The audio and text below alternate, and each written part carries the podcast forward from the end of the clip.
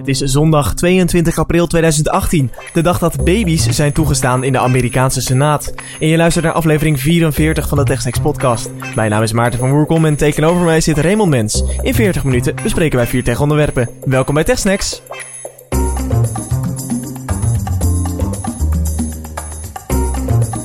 We gaan het zo nog over de Amerikaanse Senaat hebben. En ja, baby's, hmm, dat kun je op meerdere niveaus opvatten, zal ik maar zeggen. Ah, je moet weten, ik ben een week in America geweest.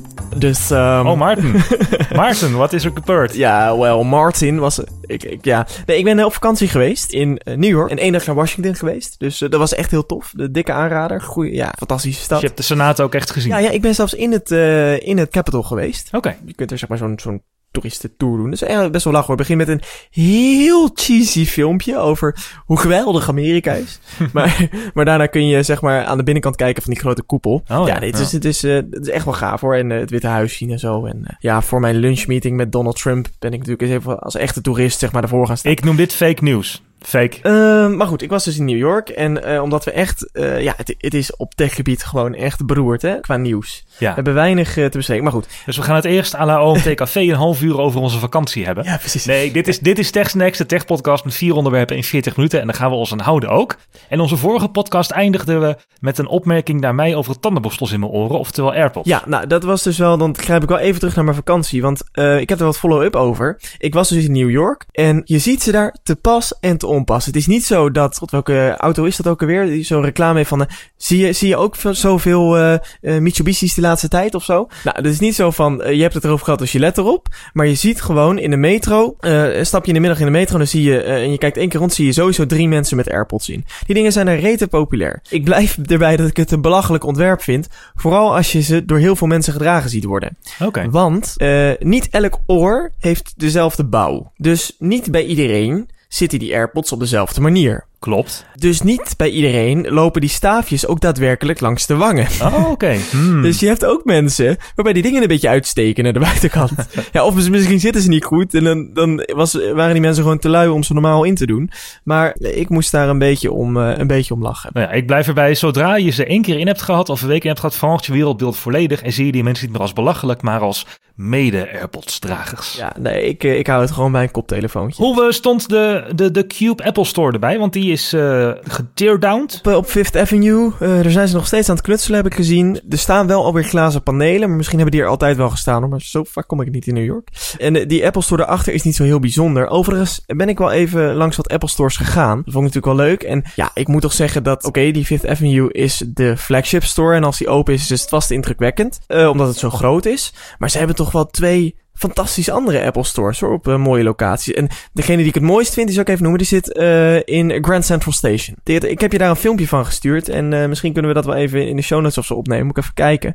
Maar dat is dus een Apple store. Mocht je dit niet kennen, Grand Central Station is dat grote station met die, met die blauwe, ja, heel hoog plafond, helemaal blauw met sterren, sterrenbeelden erop en zo. En met die gouden klok in het midden, die ken je wel uit films. Oh ja, ja, ja, ja. Daar zit dus, er zitten twee verhogingen in dat station, aan beide kanten in de grote hal. En daar zit dus half in het station gewoon open. Dus je loopt zo van de stationshal, loop je uh, trap op en dan sta je dus in een Apple store. Dus echt echt heel erg mooi. Daar heb ik dan ook de, de nieuwste iPad gekocht als, als souvenir met een Apple Pencil. Maar daar gaan we het later uitgebreid over hebben. Ja. Um, dus dat over mijn uh, Apple-ervaringen vakantie in New York. Verder qua technologie niet heel veel bijzonders daar uh, gezien. Maar dit viel op dat Apple daar goede zaken Hebben doet. we toch maar mooi zes keer korter gedaan dan onze oude collega's. Dat uh, is mooi. Ja, ik, ga, ik vlieg morgen naar Praag en ik vlieg met Ryanair. Ik weet of jij eens wel met een budget airline hebt gevlogen. ja. Maar die spammen je dus helemaal constant dood met allerlei upgrades en dark patterns en maar rotzooi. Wil jij geen extra tasje meenemen dan? Nou, er is dus bij Ryanair een nieuwe cabin bag policy. Je mag, uh, zo'n, je mag dan uh, natuurlijk een tas om je schouders hebben of een kleine handtas mag je bij hebben. Maar je mag ook handbagage in een rolkoffer van maximaal 10 kilo bij hebben. En ze hebben nu bedacht dat je alleen je kleine handtas mee aan boord mag nemen. Maar je rolkoffer, die minder dan 10 kilo is en aan die afmetingen van cabin uh, bagage voldoet, cabinebagage voldoet, die moet dan alsnog in het ruim. Tenzij je priority bijboekt. En ze zijn nu mij op allerlei manieren aan het spammen met push-notificaties en met mails van oh, koop nu priority bij, want anders mag je twee ding niet mee aan boord.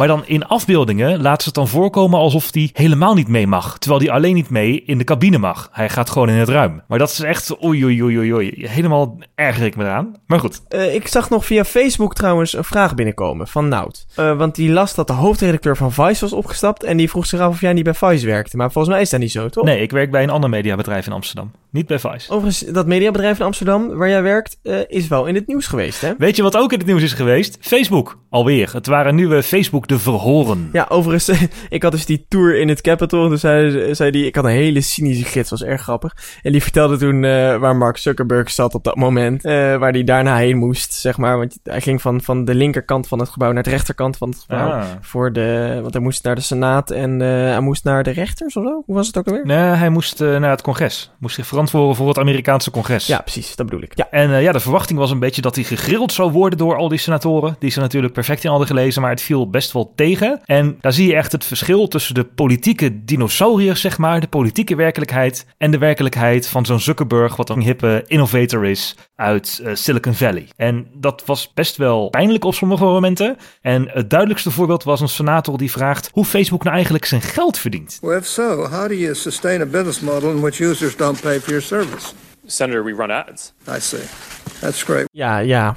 Ja, wat moeten we hier nou over zeggen? Ik moest eigenlijk googlen wat de ICT ook weer betekent. Ik weet niet, dat schiet ineens door mijn hoofd zo. Ja, nee, dat het na dat hele schandaal rondom het verkopen van persoonlijke gegevens volg advertenties. Die senator nog niet duidelijk was dat Facebook van advertenties leeft. En dacht ik van, nou, nu heb je jezelf waarschijnlijk al uh, gedisqualificeerd. Maar die hele hoorzittingen, het was wel een beetje een drama hoor. Uh, de eerste dag werd er ook niet goed doorgevraagd door de senatoren. En Zuckerberg kon eigenlijk altijd wegkomen met, van, uh, met antwoorden van ja, nee, maar senator, dat doen we al. Of gebruikers hebben die mogelijkheid al om die instelling aan te passen. Dat was de eerste dag. En de tweede dag, toen kwam Zuckerberg wel wat meer in de knel. Toen zei hij ook van je kan geen antwoord op geven, hier kom ik later op terug. Ja, de website uh, qz.com heeft een heel mooi artikel geschreven. Alles waar Mark Zuckerberg geen antwoord op kon geven.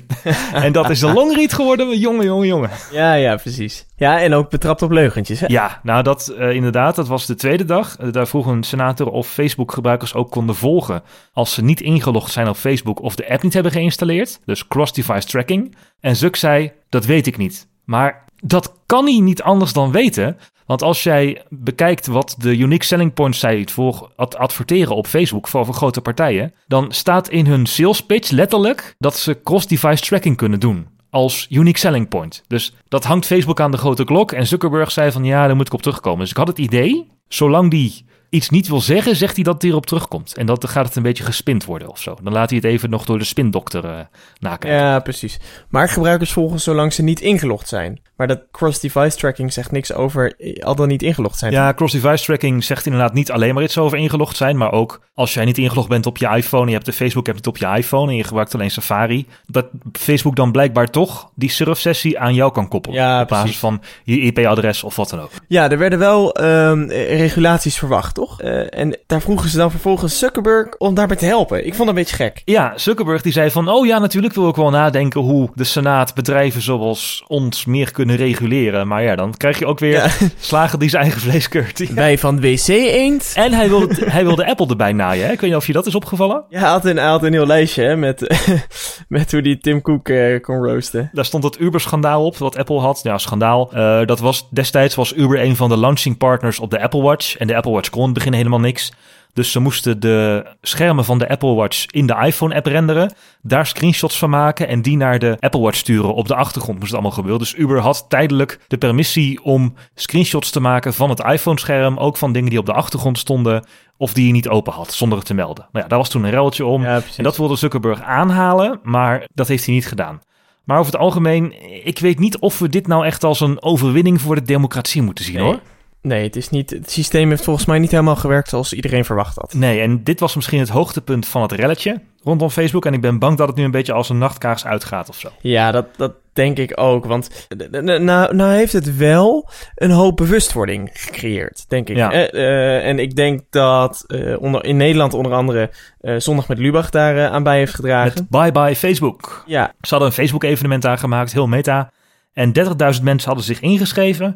En volgens een analyse van de NOS heeft ook, hebben ook 10.000 mensen daadwerkelijk hun Facebook-profiel verwijderd. Na de actie met Lubach. Heb jij, uh, is jouw vriendencounter teruggelopen? Niet noemenswaardig, maar ik heb er wel mensen over gehoord hoor. En ik heb het er ook wel over gehad. Maar ik zit, ik zit zelf heel erg twijfelend. Oh, ik doe niet heel veel met Facebook. eh, als actief gebruiker, zeg maar. Dus ik denk, ja, waar, eh, voor het social netwerk. Maar Mhm. ik gebruik wel de inlogfunctie voor een aantal dingen. Ja, dan inloggen met Facebook, ja. Ik mis nog een soort van stappenplan van hoe het nou handig is om, om, om makkelijk van Facebook af te komen. Eh, daarbij denk ik, het, het is wat, ja, wat naïef om te denken dat als we van Facebook afstappen, dat, dat ik dan ineens veel minder getracked word. Want ik geloof daar niet zo in. Want ik gebruik nog steeds WhatsApp. Ja, precies. Ik heb nog steeds Instagram en ik heb nog steeds bijvoorbeeld Gmail als mijn, eh, als mijn eh, privé-e-mail. Ja. Dus ja, weet je, ik ben gewoon overgeleverd aan eh, de techgiganten. En volgens mij kan ik ontzettend mijn best doen, maar kan ik er weinig aan doen om al mijn gegevens eruit te krijgen. En heb ik mijzelf eh, ja, toch een beetje verkocht voor wat gratis diensten. ja, zo is het wel. Ja. Ik doe nog heel erg mijn best. En of dat werkt, ja, dat kun je nooit zeggen. Maar wat me wel opviel aan Lubach is dat hij eigenlijk veel te vroeg was. Ja, dat, dat noemde ik net al even, want we hebben het, dat heeft te maken met die eh, nieuwe Europese De privacywet. GDPR. De GDPR. Ehm, want eh, je kon eigenlijk het beste pas na 25 mei, en dat, dat is dus nog even, eh, je Facebook verwijderen. Want als je het nu verwijdert, dan zijn bedrijven niet volgens Europese wet verplicht om daadwerkelijk al je gegevens te verwijderen. En vanaf 25 mei is dat dus wel zo. Als jij dan bij Facebook aanklopt en zegt: Hey Facebook, ik wil al mijn gegevens verwijderd hebben, dan zijn zij in Europa bij wet verplicht om daadwerkelijk al jouw gegevens te verwijderen. Dus dan ben je ook je Facebook profiel echt helemaal kwijt. Ja, en je kunt er natuurlijk achteraf, als je je Facebook-profiel nu al verwijderd hebt, wel Facebook een bericht gaan sturen via een of andere support ticket waar je misschien na drie maanden antwoord krijgt van yo, ik ben die en die gebruiker geweest. Wil je gezien GDPR en de nieuwe Europese wet alsnog achteraf al mijn gegevens verwijderen? Maar Facebook heeft ook gezegd dat ze zich aan die eh, AGV, de Algemene Verordening Gegevensbescherming in het Nederlands, eh, gaan houden. Dus ik verwacht dat als, je, als die nieuwe wet in is gegaan, als je dan je Facebook-account verwijdert, dan krijg je een soort van keuze misschien. Facebook heeft niet gezegd hoe ze het gaan implementeren, maar dan krijg je een keuze. Wil je je profiel in lijn met de Europese regelgeving volledig verwijderen? Of wil je de standaardfunctie gebruiken van 30 dagen afwachten, et cetera? Ja, dat lijkt me ook de meest logische implementatie. Maar Maar als je het dus overweegt, dan kun je beter even tot 25 mei wachten. En dan is Facebook ook echt verplicht om meteen al jouw gegevens te verwijderen. En als je het nu al hebt gedaan, ja, dan kun je dat achteraf nog wel met Facebook regelen, denk ik. Dat is een nieuwe aanpassing in de wet, eh, de AVG, de GDPR. We gaan er nog een special aan wijden, wat het nou precies betekent voor jou, die nieuwe wet. En ook wat het voor bedrijven betekent en waar je recht op hebt. Uh, maar het zorgt in ieder geval dat je, als je nog even wacht met het verwijderen van Facebook, zorgt het voor minder gedoe waar je door hoeft. En uh, nog even terugkomend op Zuckerberg. Die zei tijdens zo'n verhoor ook dat uh, die GDPR een prachtig idee is. En dat het overal zou moeten zijn. Maar Facebook heeft wel behoorlijk gelobbyd in Europa daartegen. Ja, ze hebben er in, in Europa dus echt gewoon met miljoenen hebben ze daaraan gespendeerd. Daar had uh, de Atlantic had daar een verhaal over. Dat ze miljoenen hebben gespendeerd aan lobbyen om GDPR tegen te gaan. Dus ja. Ja, want ik denk Zuckerberg, dat, nee. Dat, daar, daar zitten toch nog wel wat nieuwe dingen die ze moeten gaan automatiseren in het verwijderproces van Facebook. Vrees Ja, en de vraag is dan natuurlijk, gaan ze het ook uit alle backups halen? Nou ja, dat soort dingen. Ja, ja ze zullen wel moeten, hè? Als dan, ja, als dan Europa een, een inval doet, dan uh, zijn ze gewoon uh, de klos. Ja, ik vraag me dus af of die nieuwe privacywet er ook toe gaat leiden dat Zuckerberg een keer voor het hekje moet staan in Europa.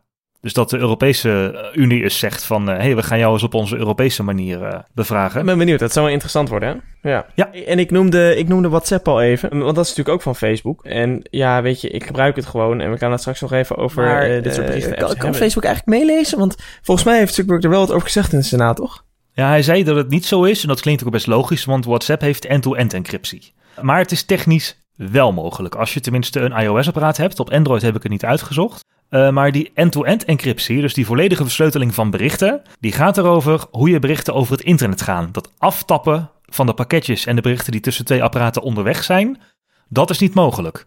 Maar op het moment dat een bericht aan is gekomen op jouw iPhone, dan slaat WhatsApp slaat het in een lokale database op. Dat is een soort SQL-database. SQLite heet het, vergelijkbaar met uh, MySQL, wat je bijvoorbeeld voor WordPress gebruikt. En die database staat op jouw iPhone en die is onversleuteld. Maar daar staan niet al je gesprekken in, maar alleen de laatste berichten uh, van ieder gesprek. Handig voor offline. Als je even offline bent, kun je toch nog een gesprek uh, raadplegen. Oh ja. Maar op iOS heeft iedere app natuurlijk een sandbox. Dus in theorie zouden die berichten van die in WhatsApp staat niet toegankelijk moeten zijn voor andere apps. Het blijkt echter, Facebook uh, is eigenaar van WhatsApp. Uh, sinds iOS 8 kun je zogenaamde shared containers aanmaken. En daarmee kunnen ontwikkelaars data tussen apps die van hen zijn delen. En Facebook Messenger, Facebook en WhatsApp, die zitten in zo'n shared container. En dat zou dus in theorie, ik zeg niet dat ze het doen, want dat is niet bewezen. Maar in theorie zou het dus mogelijk zijn dat de Facebook-app naar die shared container op iOS kan, daar die database met offline berichten uit kan halen en die kopiëren. Ah, zo. Dat is technisch mogelijk, maar het is niet duidelijk of dat überhaupt ook gebeurt. Nee, nee, nee. Maar goed, wel een eng idee eigenlijk. Ja, het kan dus wel. Oké. En mocht je nou benieuwd zijn hoe die shared container eruit ziet, dan kun je een app genaamd iMazing downloaden naar je Windows of Mac. En dan kun je de inhoud van al die containers van apps zien. En dan zie je dus uh, messagehistory.sqlite. Dat bestand kun je dan met een SQLite reader op je Mac of op je PC openen. En dan zie je gewoon hoe WhatsApp zijn offline data uh, gebruikt. Hey, ik denk dat we het zo wel voldoende over Facebook hebben gehad. Over die privacywet uh, gaan we dus... Misschien kunnen we Facebook nu wel achter ons laten. We hebben nu twee afleveringen over gehad, wat mij betreft genoeg. Ik hoop het als ze niet nog meer gekke enge dingen gaan doen. Ja. Um, ja, want we gaan het hebben over de iPad weer. Daar hebben we het ook al eerder over gehad. Want uh, tijdens het Education Event, een paar weken terug, heeft Apple een nieuwe iPad gelanceerd. En dat is eigenlijk de goedkoopste iPad tot nu toe. En uh, daar is wat meer over bekend geworden. Want de vorige keer hebben we enkel de uh, specificaties kunnen bespreken zoals we die op het internet zagen. Ik heb hem meegenomen uit Amerika met een Apple Pencil. Want dit is de eerste iPad zonder een echt gelamineerd scherm. Waarbij dus het scherm daadwerkelijk heel dicht op het glas ligt. En de eerste normale iPad, dus geen iPad Pro, die die Apple Pencil ondersteunt. Ik heb heel erg getwijfeld of ik die Apple Pencil zou kopen. Maar daar gaan we het straks over hebben. We gaan het eerst even over die accuduur hebben. Want jij hebt even wat rekensommetjes gemaakt. Ja, ik heb nu al wat langer die iPad inderdaad. En ik heb ook de iPad 5 liggen. En ik denk van nou, ook voor de review die ik plan op uh, One More Thing... is het wel handig om de accuduur te meten. Dus ik heb intensief gebruik met 100% scherm gemeten... op de iPad 5 en de iPad 6. En de iPad, de nieuwste iPad dus, de zesde generatie iPad uit 2018... die houdt het bij intensief gebruik met een script en 100% helderheid 4 uur en 20 minuten vol. Nou, klinkt acceptabel. Maar ik heb dezelfde test gedaan op een iPad 5, die dus al een jaar oud is en dus al een enigszins versleten accu heeft. En die houdt het 5 uur en 8 minuten vol. Oh, kijk eens aan. Dat is toch 20 minuten langer. Ja, ja voor mij is het een, een, een iets andere overstap. ik kom namelijk van een uh, iPad third generation. Ja, oh ja. Dus de derde ja. generatie. Ik heb voor de lol even, even opgezocht uh, wanneer die uit is gekomen. 2012. Trouwens, hè, over, want mensen hebben het toen gehad over de prijs van een iPad. En dat het zo hoog was destijds. Maar dit is 2012, het is nu 2018. Dus ik heb gewoon zes jaar met die iPad gedaan. Vind ik best wel. Ja, en die deed het ook nog eigenlijk best wel prima, behalve dat hij geen iOS 11 meer ondersteunde, toch? Ja, kijk, het enige wat ik, wat ik er uh, mee deed was uh, um, uh, nu nog Netflix kijken. Ja, okay. ja, hij werd trouwens geshipped, origineel, met iOS 5.1. Zo, dus je hebt vijf OS-updates gehad. Nou, dat doet Android je niet na. Ja, nee, precies. Want het maximum OS was iOS 9.3.5. Oké, okay. dus, ah, vier dus. Vier. Ja, vier. Um, maar okay. volgens mij iOS 5 is nog helemaal met alle leren randjes en. Ja, dat was tot 7 zo. Ja, ja, ja, ja. Kun je bijna niet meer voorstellen. Uh, maar goed, dat even als zijstraatje. Dus uh, ja, wat mij betreft, uh, voor mij geen eerlijk vergelijkingsmateriaal. Natuurlijke vooruitgang dan. ik heb ook nog even gekeken, als je hem alleen op standby laat staan en dus uitzet tot het scherm automatisch vergrendelt en hem dus echt wakker houdt, dan houdt hij het wel iets langer vol. Maar dat was nog wel een test waarvan ik dacht van, wat gaat hier fout? Want de iPad 5, dus de voorloper van deze huidige iPad, houdt dat 16 uur vol. En de iPad 6 uit 2018, 10 uur en 10 minuten. Dat is 6 uur minder standby. Oef, dat is wel veel, ja. Ja, en de iPad Pro 10,5 die doet het op 15 uur en 20 minuten. Heeft dat te maken met uh, de onder, onder andere de Apple Pencil ondersteuning? Ik weet dus niet zo goed waar het nou aan ligt. Want ze hebben dezelfde accupaciteit, de iPad 5 en de iPad 6. En eigenlijk de enige upgrade, de scherm is hetzelfde, is die chip en pencil ondersteuning. Dus misschien is het gewoon een veel minder zuinige chip, die A10-chip. Ja, dat is, wel, dat is wel opmerkelijk. Ja. ja, wat ik zei, ik heb dus geen eerlijk vergelijkingsmateriaal. Nee, nou, voor jou is het een upgrade en jij uh, hebt nou een paar dagen met de Apple Pencil in je hand rondgelopen. Ja, ja ik stond daar in die Apple Store, dus in, uh, in uh, Grand Central Station. En ik zat heel erg te twijfelen van, ja, zo'n Apple Pencil, het is, is het nou leuk speelgoed of is het echt handig? En uh, toen ben ik met zo'n Apple-medewerker in, uh, in gesprek gegaan. Ik had nog even wat gegoogeld. En toen ben ik een app tegengekomen. En dankzij die app heb ik de Apple Pencil gekocht. Oké. Okay. Dat is de app MyScript Nebo. Dat is een app uh, die al een tijdje in de App Store verkrijgbaar is. Die enkel werkt met de Apple Pencil. En dat is een app dat een kladblokje voor je toont. En op dat kladblokje kun je schrijven. En het mooie is dat je dus een stukje schrijft. En dat kan gewoon in het Nederlands. En terwijl je schrijft, zie je daarboven Ja. al eh, wat tekst verschijnen. Wat je aan het schrijven bent, maar dan in getypte letters. En als je twee keer op het scherm tikt, dan converteert hij automatisch jouw handgeschreven tekst in een stuk getypte tekst. OCR, werkt dat een beetje? Dat werkt dus echt fantastisch. Ik heb het aan, eh, ja, zeg maar, een soort van de, de vuurdoop eh, heb ik het gegeven door mijn vader eh, de Apple Pencil in zijn handen te duwen. Mhm. Want ik heb een slecht handschrift, maar dat van mijn vader is, ja, ja, je zou er een museum mee kunnen vullen. Een soort van kunst. Maar, en zelfs dat herkende die. En het mooie is dat als je schrijft, dan zie je dus daarboven zie je ontstaan wat de iPad denkt, of wat de app denkt dat jij schrijft. Mhm. En eh, je ziet dat dus ook met de letters die je neerzet. Dus als ik bijvoorbeeld Raymond schrijf, dan zie ik eerst, zeg maar, R-A, Griekse I, eh, zie ik verschijnen. Dus terwijl ik de letter schrijf, is hij al aan het gokken wat ik ga doen. Dus als je dan iets onduidelijk schrijft, dan kijkt hij naar de rest van het woord. En dan kijkt hij denk ik naar zijn eigen woordenboek. Want je moet de taal selecteren waarin je schrijft. En dan kijkt hij naar zijn eigen woordenboek en dan vult hij op die manier de woorden in. Dus dan maakt hij zeg maar een soort van gok van eh, welk woord jij bedoelt. Ah. Als dat nou echt afwijkt van wat je wil schrijven, dan kun je dat ook aantikken. En eh, dan zie je een aantal opties wat hij nog meer gokt. En als je dan de juiste kiest, dan ziet hij in het vervolg ook altijd... Als jij eh, bijvoorbeeld in eh, Raymond de letter N heel raar schrijft, waardoor hij telkens Remos ervan maakt. En ik zeg van nee, maar ik bedoel Raymond. Dan ziet hij vervolgens die rare N ook altijd als die rare N. En maakt er gewoon netjes een N van ingetypte letters. Dat doet hij heel goed. Oké, dus hij houdt zich eigenlijk dan rekening met jouw afwijkingen in jouw handschrift, als je die eenmaal hebt verteld. Ja, ik heb, het, ik heb het idee van wel. Want ik heb een aantal van, van dat soort afwijkingen in mijn handschrift. En dat heb ik één keer gecorrigeerd. En sindsdien leest hij het altijd goed. Dus eh, ik heb dat niet nagezocht in de, in de beschrijvingen van de app. Maar ik heb het idee dat dat, dat, dat zo werkt. Eh, zo voelt het in ieder geval. Ja, je kan nog wat, wat hippe dingen doen. Je kan een rekensom invullen. Dus je schrijft gewoon op. Het kan best wel heel ingewikkeld met wortels en alles. Ik heb even een som bedacht eh, en dat uitgeprobeerd. En dan rekent hij het voor jou uit. Als je dubbel tikt en dan zet het om in getypte tekst. Ook kun je eh, diagrammen maken en je kan tekeningetjes toevoegen. Mhm. Ik ben dus gaan schrijven. En wat je werkt, ik heb het ook op een iPad Pro geprobeerd. eh, wat je merkt in, eh, waar we het al even over hadden gehad, omdat het scherm iets anders is, is dat als je heel snel schrijft, het lijntje iets achter de punt van je pencil aanloopt. Ik vind dat niet hinderlijk, want het werkt dermate snel dat, dat dat je het eigenlijk nauwelijks merkt. Maar had je dat met de Pro minder? Ja, daar, daar reageerde die net wat sneller achter je punt aan, had ik het gevoel.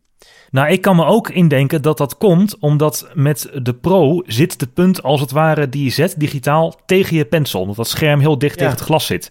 Maar bij deze iPad zit dan nog ja 2 mm of zo tussen je punt en het scherm zelf. Dus misschien kan het daar ook aan liggen. Kan daar ook aan liggen, ja. Ik, ik weet het niet precies, maar je merkt dat. Ja. Ehm, eh, dat is overigens niet hinderlijk, want het voelt heel natuurlijk om te schrijven. En het is echt fijn om vervolgens zeker te kunnen tikken. En het is in, in, in, in getikte tekst omgezet. Dus ik ben, ik ben stukjes gaan schrijven en dat, dat gaat gewoon eh, prettig. Dat is een hele fijne app en die werkt dus in het Nederlands. MyScript Nebo. Dus als je dat nog niet hebt, download hem. Volgens mij kost die eh, 7 euro, zoiets. Zeker het Ja, geld prima. waard. Ja. We het linkje in de show notes zetten. Die Apple Pencil zelf, eh, daar hebben ze een, een, ja, een goede job mee gedaan. Hij, qua gewicht is het een fijn ding.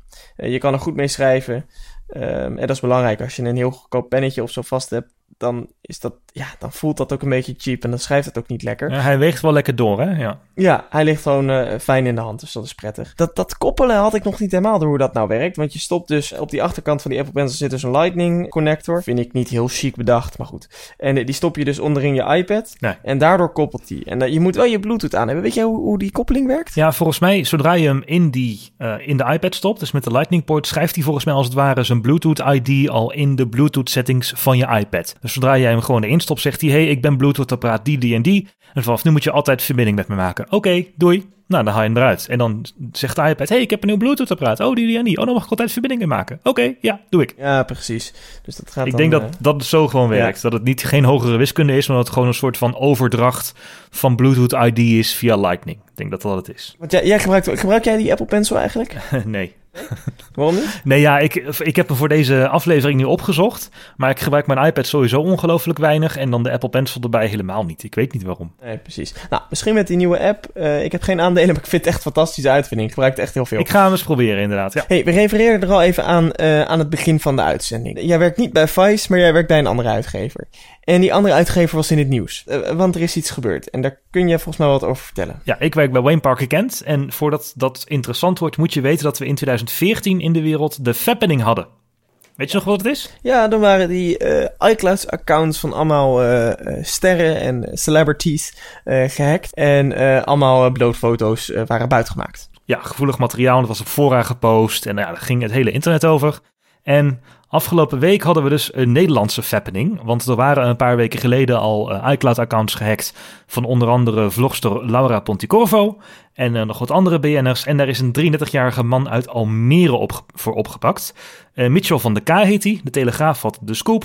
En John van de Heuvel die had hem opgespoord. En dat klonk zo. De man blijkt, zo, is naar, zo is het onderzoek naar voren gekomen, zich al vele jaren bezig eh, te houden met het hacken van iClouds van met name vrouwen. In de hoop dat hij daar seksueel getint eh, beeldmateriaal kon- van eh, af kan halen. Eh, hij ontkent het verspreiden. Hij geeft wel toe dat hij het beeldmateriaal heeft bemachtigd. Maar eh, zijn computermateriaal is allemaal in beslag genomen. En daar vindt dus nog onderzoek plaats. Of wat hij daarover zegt, of dat klopt. Het is een keurige huisvader, zo op het eerste gezicht. woont in een keurige Almeerse gezinswoning. Is vader ook. Ja, en ik, ik schrok er toch wel eh, van, van het feit dat iemand in die positie, die dus ook nog politieke ambities eh, leek te hebben. En dan zie je eigenlijk, ja, je hebt soms een bepaald beeld bij eh, mensen die dit doen. En dat dat dan toch in de realiteit eigenlijk mensen zijn die in principe ieders buurman zouden kunnen zijn. Nou, inmiddels is er meer over bekend geworden. Er zijn apparaten van hem in beslag genomen. En hij had ongeveer 30.000 foto's van anderen die hij via iCloud of Google Drive had buitgemaakt in zijn bezit. Ja. Wat trouwens niet wil zeggen dat het allemaal pikante foto's zijn, maar gewoon 30.000 foto's die niet van hem waren. Ja, en eh, het was een. Of, het, het- nou, hij is niet overleden. Hij is alleen opgepakt. Het is een. eh, een eh, zoals inderdaad ook al wordt beschreven, een normale huisvader. En hij was ook jouw collega. Ja, klopt. Eh, hij werkte bij Wayne Parker Kent. Hij was hoofdredacteur van Manners, een mannenmagazine. Een online mannenmagazine wat wij uitgeven. Hij werd later opgevolgd door Leroy en Mitchell eh, kreeg dus een nieuwe rol, een overkoepelende rol. Hij ging de redacties in de gaten houden en cijfers van sites in de gaten houden en aansturen. En ik heb er eigenlijk nooit iets achter gezocht achter hem. Hij wist dan wel hoe hij met een Mac en een PC om moest gaan. En dat ging hem al prima, maar hij was niet heel technisch of zo. Maar dat je dan op het nieuws hoort dat hij toch op 187 accounts van Google en iCloud heeft ingebroken. eh BN'ers hackte, ook bij collega's in hun iCloud heeft lopen eh, neuzen, vooral vrouwelijke collega's. En dat hij ook toegang, drie jaar lang toegang had tot het account van zijn nichtje, het iCloud-account, die toen 16 was en nu 19. Dan denk je toch van, oeh, dat had ik niet verwacht. Dat hij niet heel technisch is, bleek wel hoe de politie op het spoor is gekomen, want die hacks en die eh, dingen waren uitgevoerd vanaf zijn eigen IP-adres, wat hij niet afschermde. En ja, zo zijn ze hem dus letterlijk op het spoor gekomen. Ja, nee, dat is dan weer eh, niet heel handig. Ik, ik vind het wel redelijk ironisch overigens dat hij hoofdredacteur van het, het online platform of tijdschrift Manners was. Ja, bedoel- nou, je bent niet de enige die die link heeft is gemaakt. ja, dat is een soort van, van, van comedy is het ook wel. Ja, ik heb er natuurlijk over na zitten denken. En natuurlijk is het hartstikke vervelend voor ons bedrijf. En zijn wij er een dag van van de leg. Maar als hij dit kan, als iemand die niet weet dat hij zijn IP-adres daarmee te afschermen.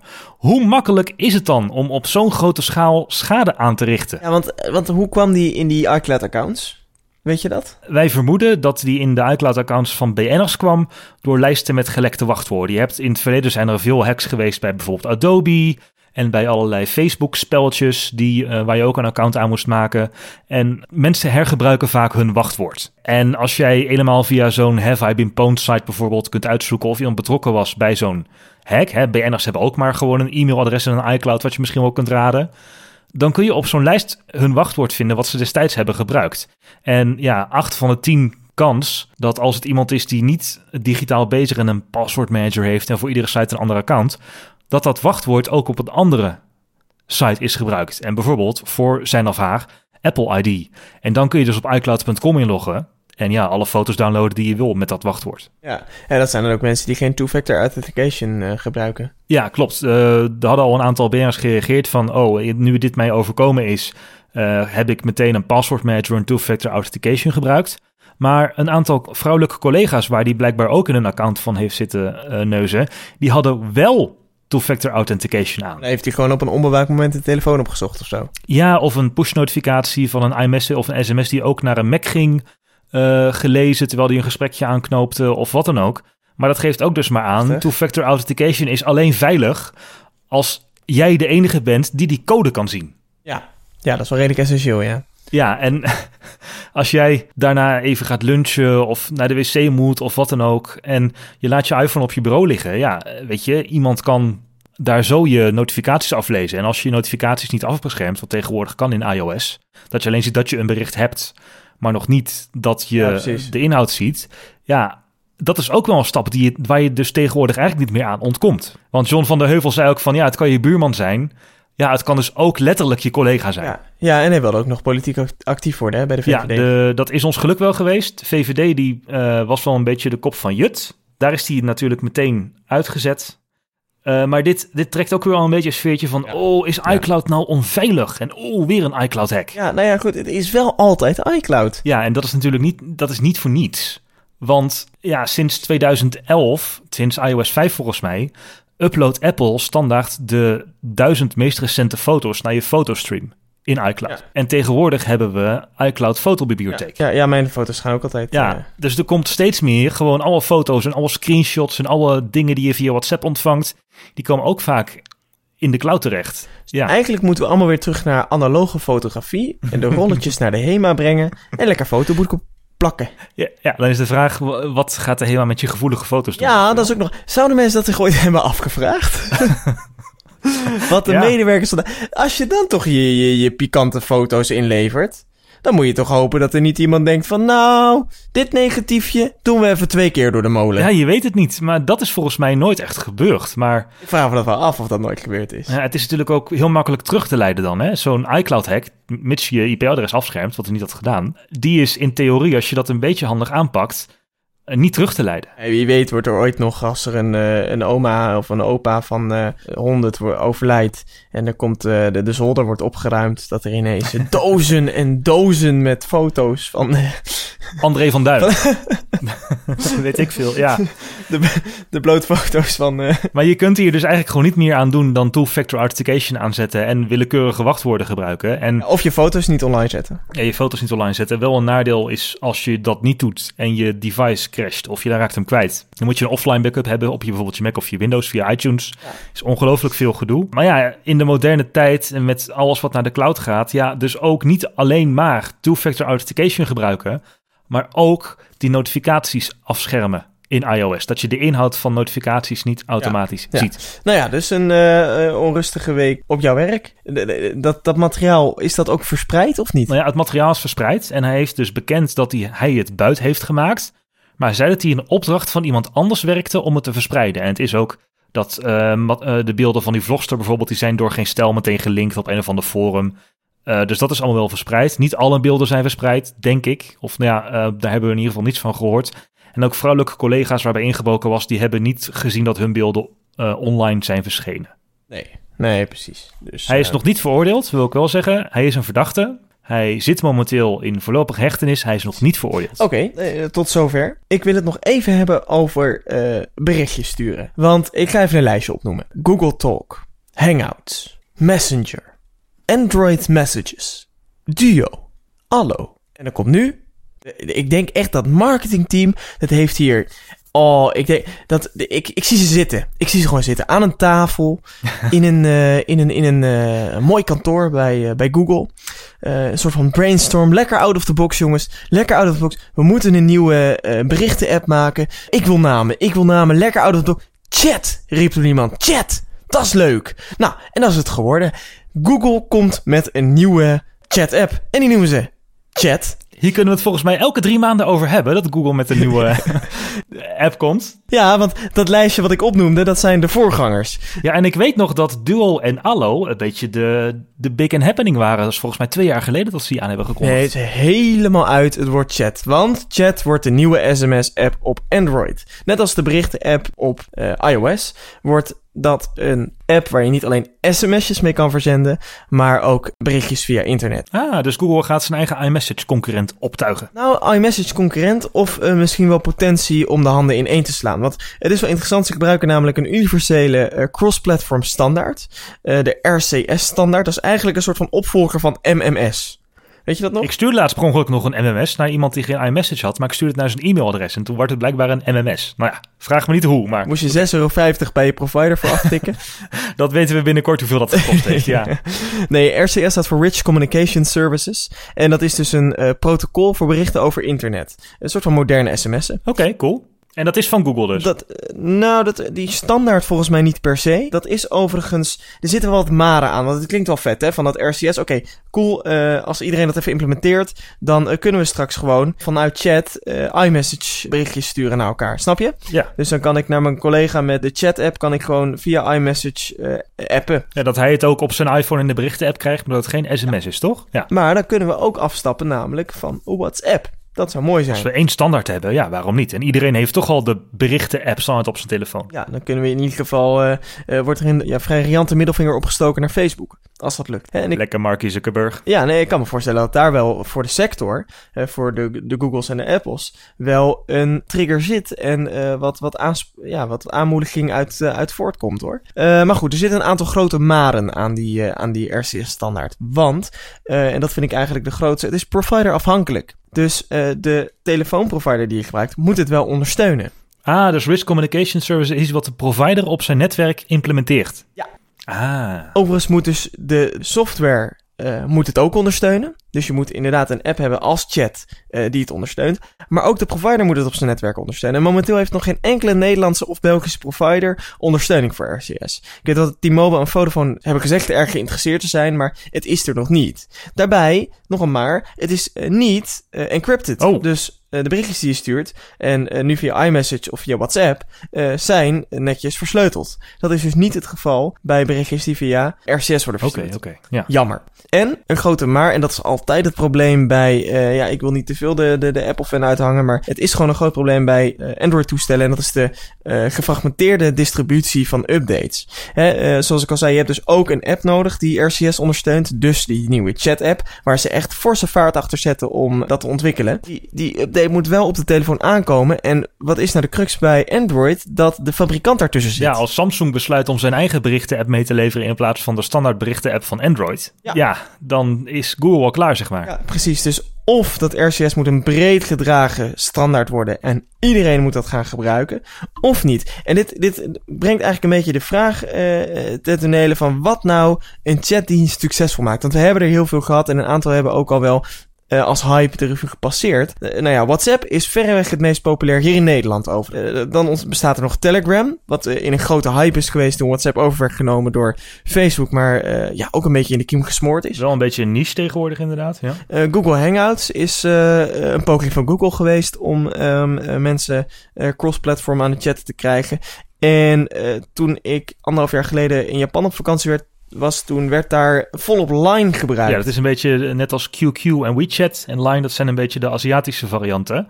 Maar die apps die je nu opnoemt, die werken gewoon via internet. Dus die hebben zeg maar, ja, als mensen dat gaan gebruiken, dan hebben ze al wel een kans dat ze wat adoptie krijgen.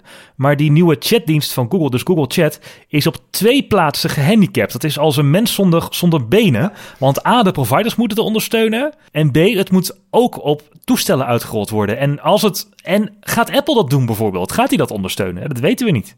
Ja, en dat is dus gehandicapt omdat, wat maakt nou een goede chat-app? Ja, Dat is namelijk, eh, volgens mij is, is het allerbelangrijkste daarvan eh, een brede adoptie van de app. Dus een heel brede gebruikersgroep.